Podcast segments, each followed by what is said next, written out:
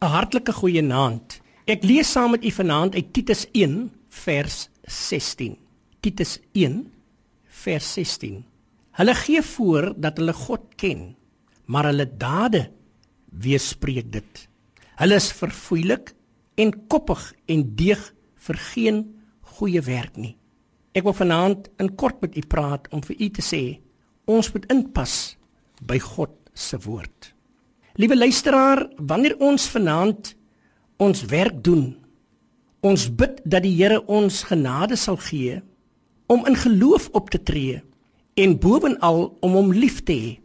U sien dis baie maklik om Sondagoggende in die kerk 'n Christen te wees, maar dan vergeet ons dikwels ons getuienis wanneer ons by die werk is.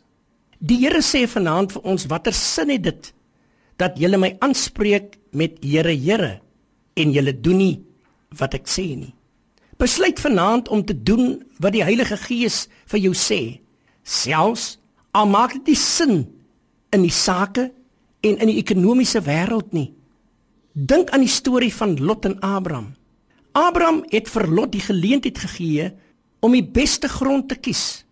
En hy het en hy het die onderste velde gekies.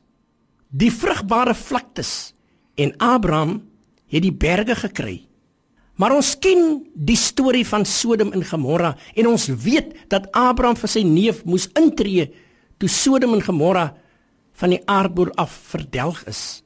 Iets wat na 'n goeie transaksie lyk, dra dalk nie die Here se goedkeuring en seën weg nie. Jy mag miskien versoek word om die reëls effens te buig. Liewe luisteraars, moet dit nie doen nie.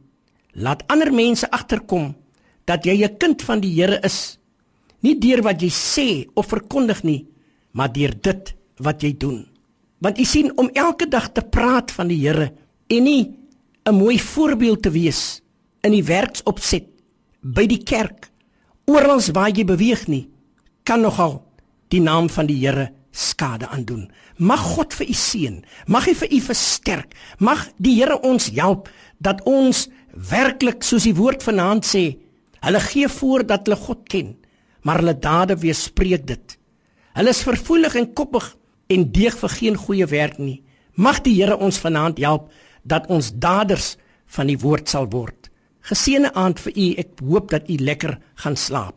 Kom ons bid saam. Dankie Vader dat u die waak oor ons hou en u ons seën in Jesus se naam. Amen.